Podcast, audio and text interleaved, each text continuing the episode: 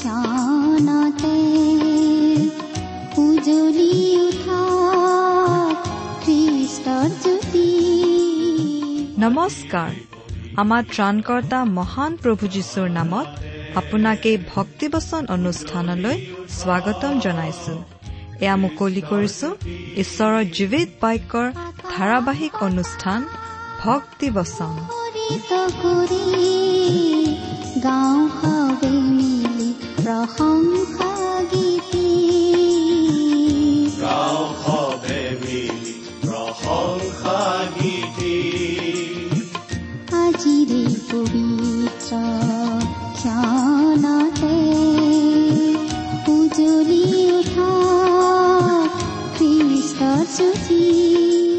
আপোনাৰ জীৱনত যদি শান্তি পাব বিচাৰে তেন্তে এয়া ঈশ্বৰৰ বাক্যৰ সান্তনা বাক্য ভক্তি বচন। আমাৰ পৰম পবিত্ৰ প্ৰভু যীশুখ্ৰীষ্টৰ নামত নমস্কাৰ প্ৰিয় শ্ৰোতা। আশা কৰো মহান পিতা পৰমেশ্বৰৰ মহান অনুগ্ৰহত আপুনি ভালে কুশলে আছে। লগতে এই বুলি আশা কৰিছো যে আপুনি আমাৰ এই ভক্তিবচন অনুষ্ঠানটো নিয়মিতভাৱে শুনি আছে। শুনি কেনে পাইছে বাৰু? আপোনাৰ মতামত আদি জনাই আমালৈ চিঠি পত্ৰ লিখিবচোন। আমাৰ যোগাযোগৰ ঠিকনাটো হয়তো আপোনাৰ মনত আছে। তথাপি আকৌ এবাৰ কৈ দিছো ভক্তিবচন টি ডব্লিউ আৰ ইণ্ডিয়া ডাক বাকচ নম্বৰ সাত শূন্য গুৱাহাটী সাত আঠ এক শূন্য শূন্য এক। Bhaktibachan T W R India postbox number seventy Guwahati seven eight one zero' zero' one. আমাৰ website W W W dot radio' eight eight two dot com প্ৰিয় শ্ৰোতা আজিও আমি আমোচ ভাৱবাদীৰ পুস্তকৰ পৰাই অধ্যয়ন কৰোঁ আহক আজিৰ অধ্যয়নত আমি চাওঁ হওক আমোচ ভাৱবাদীৰ চাৰি নম্বৰ অধ্যায়ৰ ন নম্বৰ পদৰ পৰা পাঁচ নম্বৰ অধ্যায়ৰ পাঁচ নম্বৰ পদলৈকে। কিন্তু অধ্যয়ন আৰম্ভ কৰাৰ আগতে সদায় কৰি অহাৰ দৰে প্ৰভুৰ চৰণত আমি খন্তেক প্ৰাৰ্থনা জনাওঁ হওক। প্ৰাৰ্থনা কৰো সৰগ নিবাসী হে পৰম পবিত্ৰ পিতৃ ঈশ্বৰ আমি আপোনাৰ নামৰ গৌৰৱ কৰো আপোনাৰ নামৰ প্ৰশংসা কৰো। আপোনাৰ মান হওক আপোনাৰ সমাদৰ হওক আমি আপোনাৰ বন্দনা কৰো কাৰণ এই সকলো পাবলৈ আপুনিহে যোগ্য ঈশ্বৰ। আমি আপোনাক ধন্যবাদ জনাওঁ আপুনি আমাক কুশলে মংগলে চলোৱাৰ বাবে। আপোনাৰ পবিত্ৰ আৰু জীৱনদায়ক বচনৰ বাবেও আপোনাক ধন্যবাদ জনাওঁ। অনাতাঁৰ অনুষ্ঠানৰ নিচিনা অনুষ্ঠানৰ জৰিয়তে আপুনি আমাক আশীৰ্বাদ দান কৰি থকাৰ বাবে আপোনাৰ পবিত্ৰ নামৰ ধন্যবাদ কৰো। হে প্ৰভু আপোনাৰ পবিত্ৰ বচন আমাৰ আত্মাৰ আহাৰ। এই আহাৰ ভোজনৰ দ্বাৰাই আমি আমাৰ আম্মিক জীৱনৰ বল শক্তি আহৰণ কৰিছো। ধন্য হওক আপোনাৰ নাম। হে প্ৰভু আজিও আমি ক্ষুধাটোৰ আত্মাৰে আপোনাৰ বচনৰ আহাৰৰ বাবে আমি অনাতাঁৰ যন্ত্ৰৰ কাষত বহিছো। আপুনি দয়া কৰি আমাৰ হৃদয় আমাৰ কাণ সূচী কৰক যেন আমি আন্তৰিকতাৰে শুনি হৃদয়ংগম কৰিব পাৰো আৰু তাৰে আম্মিকভাৱে উপকৃত হ'ব পাৰো। কাৰণ এই প্ৰাৰ্থনা অৰ্পণ কৰিলো আমাৰ পৰিত্ৰতা প্ৰভু যীশুখ্ৰীষ্টৰ নামত। আহমেন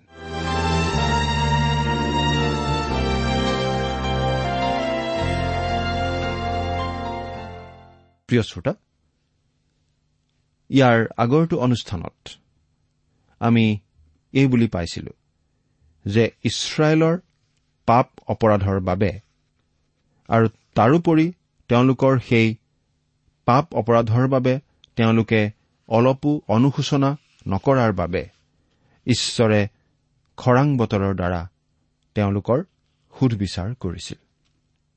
খৰাং বতৰৰ দ্বাৰা ঈশ্বৰে তেওঁলোকৰ সুধবিচাৰ কৰাৰ উপৰিও আকৌ কি কৈছে শুনকচোন? আমোচ চাৰি নম্বৰ অধ্যায়ৰ দহ নম্বৰ পদ। মই তোমালোকৰ শস্য ককৰ্তনীয়া আৰু ৰঙামূৰীয়া পেলাই তোমালোকক আঘাত কৰিলো। তোমালোকৰ উদ্যানসমূহ দ্ৰাক্ষাবাৰীবোৰ ডিমৰু আৰু জিত গছবোৰ কুটি খোৱা ফৰিঙে খালে। তথাপি জিহুৱাই কৈছে তোমালোকে মোলৈ ঘূৰা নাই। প্ৰিয় শ্ৰোতা খৰাং বতৰৰ কবলত শস্যবোৰ খৰখৰীয়া হৈ ৰঙা পৰিছিল।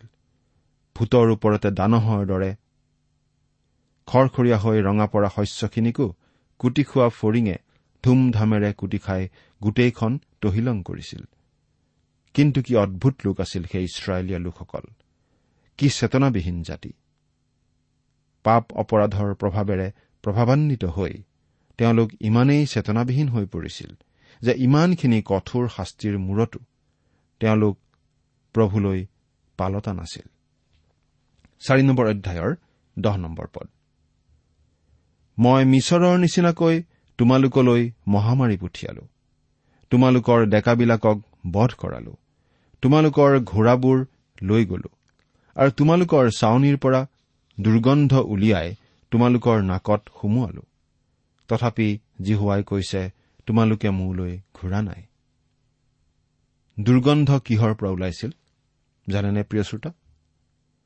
হয়। খৰাং বতৰৰ কবলত পৰি মৰা জীৱ জন্তুবিলাকৰ আৰু যুদ্ধত মৰা পৰা মৰাশসমূহৰ পৰা সেই দুৰ্গন্ধ ওলাইছিল।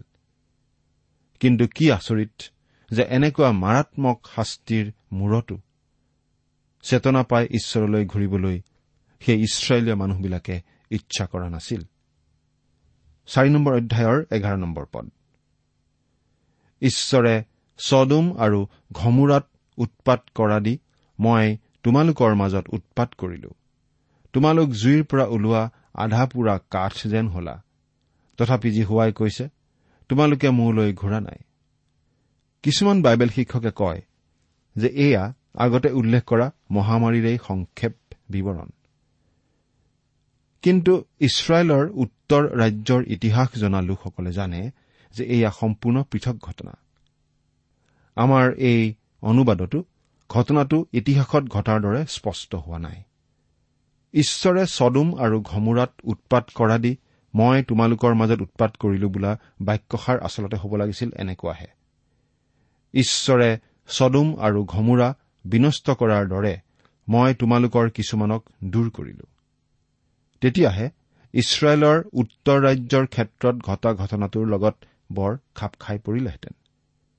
আন ভাষাৰ বাইবেলত বাক্যটো সেইদৰে আছে। কাৰণ অচুৰীয়াসকলে ইছৰাইলৰ উত্তৰ ৰাজ্যত সময়ে সময়ে আক্ৰমণ কৰি উৎপাত কৰি আছিল আৰু সেইদৰেই কিছুমান লোকৰ প্ৰাণহানি হৈছিল।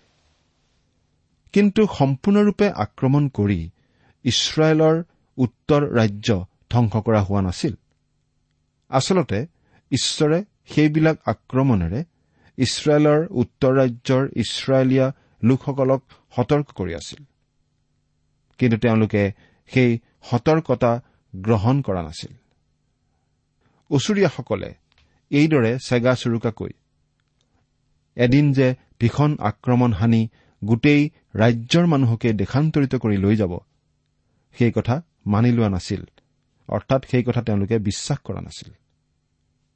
ঈশ্বৰৰ সতৰ্কবাণী ইছৰাইলীয়া লোকসকলে মানি নলৈ তেওঁলোকৰ কুপথতেই চলি আছিল। চাৰি নম্বৰ অধ্যায়ৰ বাৰ নম্বৰ পদটো পঢ়ি দিম। হে ইছৰাইল মই তোমালৈ এইদৰে ব্যৱহাৰ কৰিম। আৰু মই তোমালৈ এই ৰূপ ব্যৱহাৰ কৰিম দেখি হে ইছৰাইল তোমাৰ ঈশ্বৰৰ সৈতে সাক্ষাৎ হবলৈ তুমি প্ৰস্তুত হোৱা।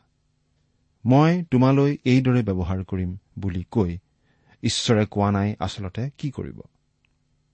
যি হ'ব সেয়ে তেওঁলোকে আচৰিত পোৱাকৈ হ'ব অকস্মাতে হ'ব। তেওঁলোকে ক'ব নোৱাৰাকৈয়ে হ'ব। অৰ্থাৎ ওচৰীয়াসকলে এদিন হঠাতে তেওঁলোকক আক্ৰমণ কৰি বন্দী কৰি দেশান্তৰিত কৰি লৈ যাব। আন কথাত ইছৰাইলে ঈশ্বৰৰ সতৰ্কবাণীলৈ একেবাৰেই মন নিদিলে। ঈশ্বৰৰ কথা তেওঁলোকে একেবাৰেই বিশ্বাস নকৰিলে আৰু ঈশ্বৰলৈ তেওঁলোক কেতিয়াও নুঘূৰিলে।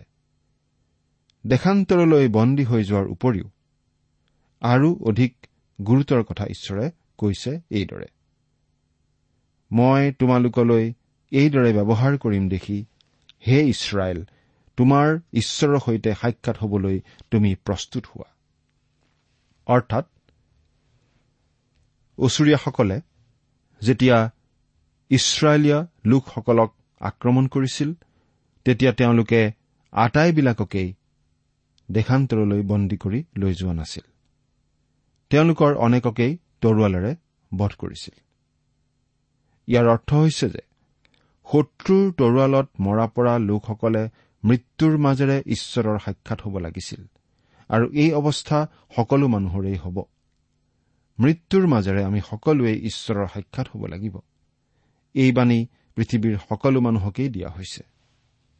প্ৰিয় শ্ৰোতা আপোনাৰ আৰু মোৰ হৈ আমাৰ প্ৰিয় প্ৰভু যীশুখ্ৰীষ্ট যদি ঈশ্বৰৰ সন্মুখত থিয় নহলহেঁতেন ঈশ্বৰৰ সন্মুখত আমি থিয় হ'ব লগা হলে কি ভয়ংকৰ বিষয় হলহেঁতেন? আমি যিদিনা এই পৃথিৱী এৰি নীল গগনৰো বহু সিপাৰত থকা ঠাইলৈ গুচি যাম সেইদিনা এই জগতৰ সকলো মায়া মোহ স্থান মান যশ খ্যাতিৰ অৱসান ঘটিব। জগতৰ সকলো কৰ্ম কামৰ পৰা আমাৰ মুক্তি হ'ব। তেতিয়া কিন্তু আমি আটাইয়েই ঈশ্বৰৰ সন্মুখত হাজিৰ হ'ম। তেওঁৰ সাক্ষাৎ হবলৈ আমি প্ৰস্তুত হ'ব লাগিব। তেওঁৰ আগত আপুনি কেনেকৈ থিয় হ'ব? আমাৰ সৎকৰ্ম আমাৰ সৎ চৰিত্ৰ আমাৰ দান দক্ষিণা আমাৰ সুনাম আমাৰ শক্তি আৰু আমাৰ ভক্তিৰেতো ঈশ্বৰক সন্তুষ্ট কৰি তেওঁৰ গুৰিত থিয় হ'ব নোৱাৰিলোহেঁতেন। ঈশ্বৰক কিবা দি সন্তুষ্ট কৰিবলৈ পাৰিবলৈ আমাৰ হাতত একো নাই। তেওঁৰ গুৰিত আমি দেউলীয়া। পাপ আৰু অপৰাধত আমি মৃত আছিলো। একমাত্ৰ যিজনাত থাকি আমি ঈশ্বৰৰ গুৰিত থিয় হ'ব পাৰো সেইজনা হৈছে আমাৰ পৰিত্ৰাতা প্ৰভু যীশুখ্ৰীষ্ট। সেইজনা যীশু আমাৰ অপৰাধৰ কাৰণে সমৰ্পিত হ'ল আৰু আমাৰ ধাৰ্মিকতাৰ অৰ্থে তেওঁক তোলা হ'ল। আৰু তেওঁৰ কাৰণেহে আমি ঈশ্বৰৰ গুৰিত থিয় হবলৈ ধাৰ্মিক বা যোগ্য পৰিগণিত হৈছো। যীশুখ্ৰীষ্টৰ ধাৰ্মিকতাৰ ধাৰ্মিকতাতেহে আমি ঈশ্বৰৰ সন্মুখত থিয় হ'ব পাৰো। মৃত্যুৰ মাজেৰে ঈশ্বৰৰ সাক্ষাৎ হবলৈ আপুনি বাধ্য প্ৰিয় শ্ৰোতা। আপুনি নিজৰ পুণ্য নিজৰ সৎকাৰ্যৰ দ্বাৰাই তেওঁৰ ওচৰত থিয় হ'ব নোৱাৰে। আপোনাৰ পাপ অপৰাধৰ বাবে সমৰ্পিত হোৱা আৰু আপোনাৰ ধাৰ্মিকতাৰ বাবে পুনৰুত্থিত হোৱা কেৱল সেইজনা প্ৰভু যীশুখ্ৰীষ্টতেহে আপুনি আপোনাৰ ঈশ্বৰৰ সাক্ষাৎ হ'ব পাৰিব। আপুনি সেইজনা পৰিত্ৰতা প্ৰভু যীশুখ্ৰীষ্টত বিশ্বাস স্থাপন কৰি তেওঁক আপোনাৰ পৰিত্ৰতা আৰু প্ৰভুৰূপে গ্ৰহণ কৰিলেনে? তাৰ পাছত গাঁৱৰ পৰা অহা এইগৰাকী প্ৰভুৰ বাৰ্তাবাহক আমোছে আমি লগ পাবলগীয়া সেইজনা ঈশ্বৰৰ বিষয়ে কি কৈছে শুনকচোন? চাৰি নম্বৰ অধ্যায়ৰ তেৰ নম্বৰ পদত কাৰণ চোৱা যিজনাই পৰ্বতবোৰ নিৰ্মাণ কৰিলে বায়ু সৃষ্টি কৰিলে আৰু মানুহৰ আগত তাৰ ভাৱ প্ৰকাশ কৰে। যিজনাই ৰাতিপুৱা ডাৱৰ কৰে আৰু পৃথিৱীৰ উচ্চ স্থানবোৰত অহা যোৱা কৰে তেওঁৰ নাম বাহিনীবিলাকৰ জিহুৱা। আমোছে তেওঁক সৰ্বশক্তিমান সৰ্বজ্ঞানী আৰু সৰ্বব্যাপ্ত ঈশ্বৰৰূপে দেখুৱাইছে। তেওঁ সৰ্বশক্তিমান সৃষ্টিকৰ্তা। সকলো শক্তি আৰু ক্ষমতা তেওঁৰ আছে। তেওঁই পৰ্বত পাহাৰ নিৰ্মাণ কৰিলে আৰু তেওঁই বায়ুকো সৃষ্টি কৰিলে। তেওঁ সকলো জনা সৰ্বজ্ঞানী ঈশ্বৰ। তেওঁ জানিব নোৱাৰে তেনেকুৱা একো নাই। আপোনাৰ মনৰ ভাৱ আৰু অভিপ্ৰায় তেওঁ সম্পূৰ্ণকৈ জানে। তেওঁ সৰ্বত্ৰতে ব্যাপ্ত ঈশ্বৰ আৰু তেওঁ পৃথিৱীৰ উচ্চ স্থানবোৰত অহা যোৱা কৰে। আপুনি যলৈকে নাযাওক কিয় আপুনি তেওঁৰ পৰা আঁতৰত থাকিব নোৱাৰে। আপুনি চন্দ্ৰলৈকো যাওক তাতো তেওঁ থাকিব। আপুনি হয়তো এনে জীৱন যাপন কৰিছে যি জীৱন যাপনৰ উচ্চ মানদণ্ড দেখি আপোনাৰ ওচৰ চুবুৰীয়া আৰু আপোনাৰ বন্ধু বান্ধৱসকলে আপোনাক ভাল মানুহ বুলি কৈছে। কিন্তু সৰগৰ দৃষ্টিত কেনেকুৱা তাক গীত ৰচক ডায়ুদে এই বুলি কৈছে। আপুনি আমাৰ অপৰাধবোৰ আপোনাৰ সন্মুখত থৈছে আমাৰ গুপুত পাপবোৰ আপোনাৰ মুখৰ দীপ্তিত ৰাখিছে। গীতমালাৰ নব্বৈ নম্বৰ গীতৰ আঠ নম্বৰ পদ। মানুহৰ দৃষ্টিত ভাল হবলৈ পাৰিও কোনো লাভ নাই। আৰক্ষী বা চোৰাংচোৱা বিভাগৰ মানুহে আপোনাৰ পাছ লৈও আপোনাৰ বিষয়ে একো জানিব নোৱাৰিব পাৰে। কিন্তু ঈশ্বৰে সকলো জানে। এগৰাকী বিখ্যাত পণ্ডিতে এনেদৰে কৈছে পৃথিৱীৰ যিবোৰ পাপ আৰু অপৰাধ অতি গোপনীয় সৰগত সেইবোৰ পাপ আৰু অপৰাধ মুকলিমূৰীয়া আৰু সৰ্বজন বিদিত কেলেংকাৰী। সেয়েহে আমোচ ভাৱবাদীয়ে ঈশ্বৰৰ সতৰ্ক বাণীলৈ কাণসাৰ নকৰা ইছৰাইলৰ সন্তানসকলক কৈছিল হে ইছৰাইল তুমি তোমাৰ ঈশ্বৰৰ লগত সাক্ষাৎ হবলৈ প্ৰস্তুত হোৱা। হয় মৃত্যুৰ মাজেৰে আমি আটাইয়েই ঈশ্বৰৰ সাক্ষাৎ হ'ব লাগিব কিন্তু একো ভয় বা বিপদ নাথাকিব। যদিহে আমি পৰিত্ৰাতা প্ৰভু যীশুখ্ৰীষ্টত থাকি ঈশ্বৰৰ সাক্ষাৎ হওঁ। কাৰণ আমাৰ পাপ অপৰাধৰ নিমিত্তে তেওঁ সমৰ্পিত হ'ল। আমাৰ ধাৰ্মিকতাৰ নিমিত্তে তেওঁ পুনৰুত্থিত হ'ল। ৰুমিয়া চাৰি নম্বৰ অধ্যায়ৰ পঁচিছ নম্বৰ পদ।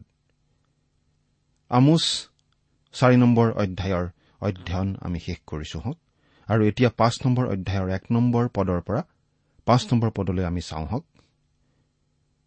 চাৰি নম্বৰ অধ্যায়টো এটা অতি সত্য আৰু চূড়ান্ত সতৰ্কবাণীৰে সামৰা হৈছে। সামৰণিখিনি এনেকুৱা নিচিনা লাগে ঈশ্বৰে যেন দুৱাৰ বন্ধ কৰি দিছে। সুধবিচাৰ অনিবাৰ্যৰূপে উপস্থিত হৈছে আৰু ইছৰাইলৰ সন্তানসকলৰ যেন তিলমানো আশা নাই। এতিয়া পাঁচ নম্বৰ অধ্যায়টোত যদিও ভৱিষ্যতৰ কথা কৈ এইটো স্পষ্ট কৰি দিছে যে ইছৰাইলৰ পাপ অপৰাধৰ কাৰণে তেওঁলোকে শাস্তি পাবই। তথাপি অধ্যায়টোৰ প্ৰথম পোন্ধৰটা পদত ঈশ্বৰে তেওঁক বিচাৰি জীয়াই থাকিবলৈ ইছৰাইলক আহান জনাইছে যাতে তেওঁলোকে তেওঁৰ সুধবিচাৰৰ পৰা হাত সাৰি থাকিব পাৰে। তেওঁলোকে দেশান্তৰলৈ বন্দী হৈ যাবলগীয়া ঈশ্বৰৰ সুধবিচাৰটো চূড়ান্তভাৱে অহাৰ আগমুহূৰ্তলৈকে তেওঁলোকে তেওঁলোকৰ কুপথৰ পৰা ঈশ্বৰলৈ ঘূৰাৰ এটা সুযোগ পাইছিল। আৰু তেতিয়ালৈকে তেওঁলোকৰ বাবে সম্পূৰ্ণ আশা আছিল। কিন্তু বৰ আচৰিত যে ইছৰাইল জাতিয়ে ঈশ্বৰৰ আহানলৈ কাণসাৰ নকৰিলে। তেওঁলোকে ঈশ্বৰলৈ নুঘূৰিলে। আমোচ পাঁচ নম্বৰ অধ্যায়ৰ এক নম্বৰ পদটো পঢ়ি দিওঁ। হে ইছৰাইল বংশ তোমালোকৰ বিষয়ে মই যি বিলাপৰ বাক্য কওঁ সেই বাক্য তোমালোকে শুনা। ঈশ্বৰে ইয়াত মৈদামণিত গোৱা গীত এটা গাইছে। শৱযাত্ৰাৰ গীত এটা গাইছে বৰ দুখৰ গীত। তেওঁ বৰ কৰুণ সুৰেৰে এই গীত জুৰিছে। পাঁচ নম্বৰ অধ্যায়ৰ দুই নম্বৰ পদ। ইছৰাইল কুমাৰী পতিত হ'ল তেওঁ আৰু নুঠিব। তেওঁ পৰিত্যক্ত হৈ নিজৰ দেশৰ মাটিত পৰি আছে। তেওঁক তুলিবলৈ কোনো নাই। আপোনাৰ নিশ্চয় মনত আছে চাগে প্ৰিয় শ্ৰোতা যে হোছেয়া ভাৱবাদীয়ে যেতিয়া ভাৱবাণী প্ৰচাৰ কৰিছিল তেতিয়া তেওঁ তেওঁৰ পাৰিবাৰিক অভিজ্ঞতাৰ কথা প্ৰচাৰ কৰিছিল। তেওঁ এগৰাকী বেশ্যাক বিয়া কৰিবলগীয়া হৈছিল আৰু এগৰাকী বেশ্যাৰ স্বামী সেই হোছেয়াকেই ঈশ্বৰে ইছৰাইলৰ উত্তৰ ৰাজ্যলৈ পঠিয়াই দি এই কথা কোৱাইছিল বোলে তোমালোক বেশ্যাতিৰোতাৰ নিচিনা। তথাপি ঈশ্বৰে তোমালোকক প্ৰেম কৰে। কিন্তু আমোছে ইয়াত কৈছে তোমালোক কুমাৰী কন্যাৰ নিচিনা আছিলা। আৰু ঈশ্বৰে তোমালোকক বিবাহ বান্ধোনেৰে নিজৰ কৰি লৈছিল। প্ৰতিগৰাকী বিশ্বাসকাৰীৰ আজি সেইটোৱেই ছবি। পাচনি পৌলে আনকি কৰিণ্ঠবাসী খ্ৰীষ্টীয় বিশ্বাসকাৰীসকলকো এই বুলি কৈছিল। খ্ৰীষ্টৰ হাতত সতী কন্যাৰূপে সমৰ্পণ কৰিবৰ অভিপ্ৰায়েৰে তোমালোকক একমাত্ৰ স্বামীলৈ অৰ্থাৎ খ্ৰীষ্টলৈ বাগদান কৰিলো। দ্বিতীয় কৰিন্ঠিয়া এঘাৰ নম্বৰ অধ্যায়ৰ দুই নম্বৰ পদ। আমি যেতিয়া খ্ৰীষ্টলৈ আহোঁ আমাৰ পাপবোৰ ক্ষমা কৰা হয়। আৰু তেতিয়াৰে পৰা আমি ঈশ্বৰত নতুন জীৱন আৰম্ভণ কৰো। কিন্তু প্ৰিয় শ্ৰোতা আপোনাৰ সেই জীৱনটো এতিয়া কেনেকুৱা? ইছৰাইলৰ দৰেই আপুনিও পাপ আচৰণ কৰাতে আছেনে? আপুনিও বেশ্যাৰ খেলাকেই খেলিছেনে? যিজনাই নিজৰ প্ৰাণ দান দিও আপোনাক ভাল পায় সেইজনা প্ৰভু যীশুখ্ৰীষ্টৰ পৰা আপুনি আঁতৰি গৈছে নেকি? আপুনি জাগতিকতা আৰু মাংসিক অভিলাষলৈ পৰিচালিত হৈছে নেকি? আপোনাৰ চাৰিওফালে ছয়তানে দপদপাই আছে নেকি? হয়। আজি বহু খ্ৰীষ্টীয় বিশ্বাসকাৰীৰ সেইটোৱেই অৱস্থা। আৰু তেওঁলোকৰ ক্ষেত্ৰতেই মৰিশালীত গোৱা এই গীতটো বৰ প্ৰযোজ্য বৰ খাপ খোৱা। ইছৰাইল কুমাৰী পতিত হ'ল তেওঁ আৰু নুঠিব। তেওঁ পৰিত্যক্তা হৈ নিজৰ দেশৰ মাটিত পৰি আছে। তেওঁক তুলিবলৈ কোনো নাই। পাঁচ নম্বৰ অধ্যায়ৰ তিনি নম্বৰ পদ। ইয়াত এনেদৰে পাওঁ কিয়নো প্ৰভুজী হোৱাই এই কথা কৈছে যি নগৰৰ পৰা এহেজাৰ মানুহ ওলাই যায় তাৰ এশ আৰু যি নগৰৰ পৰা এশ মানুহ ওলাই যায় তাৰ দহজন ইছৰাইল বংশলৈ অৱশিষ্ট থাকিব। ইয়াত আমোছে আচলতে এই বুলি কৈছে ঈশ্বৰক লগ পাবলৈ প্ৰস্তুত হোৱা তোমালোকৰ মাজৰ পৰা যিমানবিলাক লোকক বধ কৰা হ'ব সেই লোকসকলক গণনা কৰা। অৰ্থাৎ শতকৰা দহজনহে অৱশিষ্ট থাকিব কিন্তু নব্বৈজনেই মৰা পৰিব। তাৰ পাছৰ পদটোত শুনক শেষবাৰৰ নিমিত্তে ঈশ্বৰক বিচাৰিবলৈ ইছৰাইলক আমোছে আহান জনাইছে এইদৰে। কাৰণ জিহুৱাই ইছৰাইল বংশক এই কথা কৈছে তোমালোকে মোক বিচাৰ কৰি জীয়াই থাকা। আমোচ পাঁচ নম্বৰ অধ্যায়ৰ চাৰি নম্বৰ পদ। ইছৰাইলকে আদি কৰি সকলো জাতি আৰু উপজাতিৰ বাবে এই আহান আজিও অব্যাহত আছে। ঈশ্বৰৰ বচন আজিও প্ৰচাৰিত হৈয়েই আছে। ঈশ্বৰে আজিও সেই আহান সকলো জাতিকে জনায়েই আছে। যি লোকসকলে তেওঁৰ সেই আহান শুনি তেওঁলৈ পালতে তেওঁত বিশ্বাস স্থাপন কৰে তেওঁলোক আজিও জীয়াই থাকিব। পাঁচ নম্বৰ অধ্যায়ৰ পাঁচ নম্বৰ পদ। কিন্তু বৈত এলক বিচাৰ নকৰিবা। গিলগলত নুসুমাবা আৰু বেৰ চেবালৈ নাযাবা। কিয়নো গিলগল অৱশ্যে দেশান্তৰিত হ'ব আৰু বৈত এল লুপ্ত হ'ব। প্ৰিয় শ্ৰোতা বৈত এলক বিচাৰ নকৰিবলৈ কৈছে কাৰণ ইয়াতেই সোণৰ ডামুৰি এটা সাজি তাকে পূজা কৰি ইছৰাইলৰ সন্তানসকলে ঈশ্বৰৰ বিৰুদ্ধে অপৰাধ কৰিছিল। গিলগলত নুসুমাবলৈ কোৱা হৈছে কাৰণ যি গিলগল তেওঁলোকৰ বাবে পবিত্ৰ ভূমি আছিল সেই ভূমিকো তেওঁলোকে প্ৰতিমা পূজা কৰা স্থানলৈ পৰিণত কৰিলে। বেৰ চেবালৈ নাযাবলৈ কৈছে কাৰণ ইছৰাইলৰ উত্তৰ ৰাজ্যৰ ইছৰাইলীয় লোকসকলে বেৰ চেবালৈ যাত্ৰা কৰিছিল প্ৰতিমা পূজা কৰিবৰ বাবে। পদটোত বৈত এল আৰু গিলগল ধ্বংস হোৱাৰ ভাৱবাণী দিয়া হৈছে কিন্তু বেৰ চেবাৰ ধ্বংসৰ বিষয়ে একো কোৱা হোৱা নাই। কাৰণ বেৰ চেবা আছিল ইছৰাইলৰ দক্ষিণ ৰাজ্যৰ জিহুদাৰ অন্তৰ্গত অৱস্থিত। ওচৰীয়াসকলে ইছৰাইলৰ উত্তৰ ৰাজ্য আক্ৰমণ কৰি দেশান্তৰ কৰি নিয়াৰ প্ৰায় এশমান বছৰৰ পাছতহে জিহুদা বাবিলৰ হাতত পতিত হৈছিল আৰু তেতিয়াহে বেৰচেবাও শত্ৰুৰ হাতত পতিত হৈছিল। আমোচ ভাৱবাদীৰ ভাৱবাণী আখৰে আখৰে ফলিয়াইছিল কাৰণ আমোচ ভাৱবাদীয়ে ঈশ্বৰৰ পৰা পাইহে সেই ভাৱবাণী ঘোষণা কৰিছিল। আৰু ঈশ্বৰৰ বাক্যমতেই সকলো ঘটিছিল আৰু যিবোৰ ঘটিবলৈ বাকী আছে সেইবোৰো ভৱিষ্যতে ঘটিব। ঈশ্বৰৰ বাক্য কেতিয়াও অথলে নাযায়। প্ৰভু যীশুৰ যোগেদি ঈশ্বৰে তেওঁৰ বাক্য আমালৈ দান কৰিছে জীৱন্ত ৰূপত। ঈশ্বৰৰ সেই জীৱন্ত বাক্য প্ৰভু যীশুক আপুনি আপোনাৰ জীৱনত কি ৰূপত স্থান দিছে বাৰু? চিন্তা কৰি চাওকচোন। ঈশ্বৰ আপোনাৰ সহায় হওক।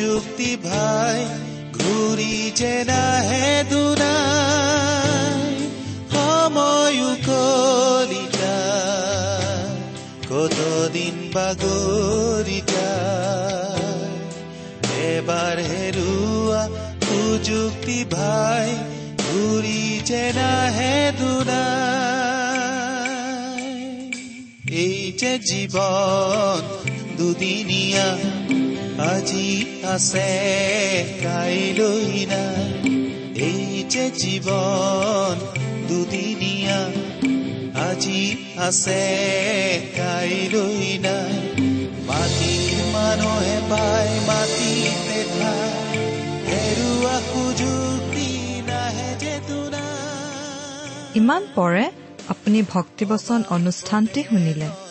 অনুষ্ঠানটি শুনি কেনে পালে? আমালৈ চিঠি লিখি জনাবচোন। অনুষ্ঠানত প্ৰচাৰ কৰা কোনো কথা বুজিব লগা থাকিলেও আমালৈ লিখক। আমাৰ ঠিকনা ভক্তিবচন টি ডাব্লিউ আৰ ইণ্ডিয়া ডাক বাকচ নম্বৰ সাত শূন্য গুৱাহাটী সাত আঠ এক শূন্য শূন্য এক। ঠিকনাটো আৰু এবাৰ কৈছো ভক্তিবচন টি ডাব্লিউ আৰ ইণ্ডিয়া ডাক বাকচ নম্বৰ সাত শূন্য গুৱাহাটী সাত আঠ এক শূন্য শূন্য এক আপুনি ইমেইল যোগেৰেও আমাৰ সৈতে যোগাযোগ কৰিব পাৰে। আমাৰ ইমেইল আইডিটো হৈছে Assamese T TV at radio' eight eight two dot com আইডিটো আকৌ এবাৰ কৈছো। Assamese T TV at radio' eight eight two dot com আপুনি টেলিফোনৰ মাধ্যমেৰেও আমাক যোগাযোগ কৰিব পাৰে। আমাৰ টেলিফোন নম্বৰটো হৈছে শূন্য তিনি ছয় এক দুই ছয় শূন্য চাৰি ছয় সাত এক। ফোন নম্বৰটো আকৌ এবাৰ কৈছো zero' three six one two six zero' four six seven one. আজিৰ অনুষ্ঠানটি ইমানতে সামৰিছো। ঈশ্বৰৰ শান্তি আৰু অনুগ্ৰহ আপোনাৰ লগত থাকক। ধন্যবাদ। কলি যায় কতদিন বাগৰি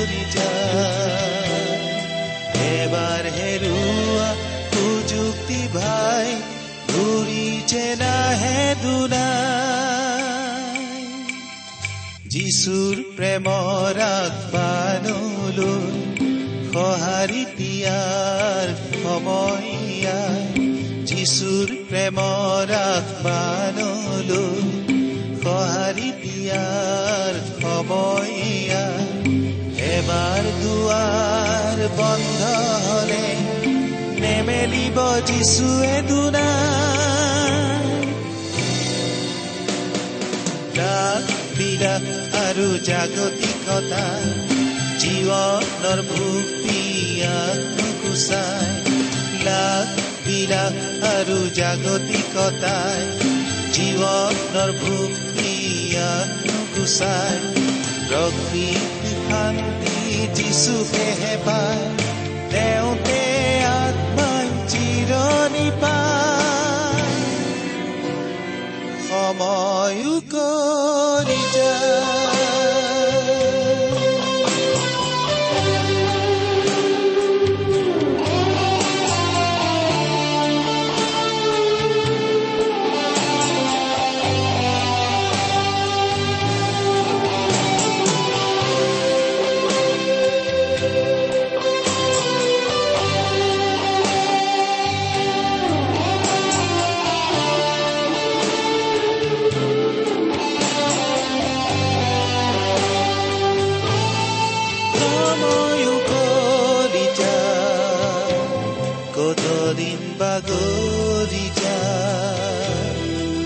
এবাৰ হেৰুৱা সুযুক্তি ভাই ঘূৰি যে নাহে দুনাই সময়ো কৰি যায় কতদিন বাগৰি যায় এবাৰ হেৰুৱা সুযুক্তি ভাই ঘূৰি যে নাহে দুনাই।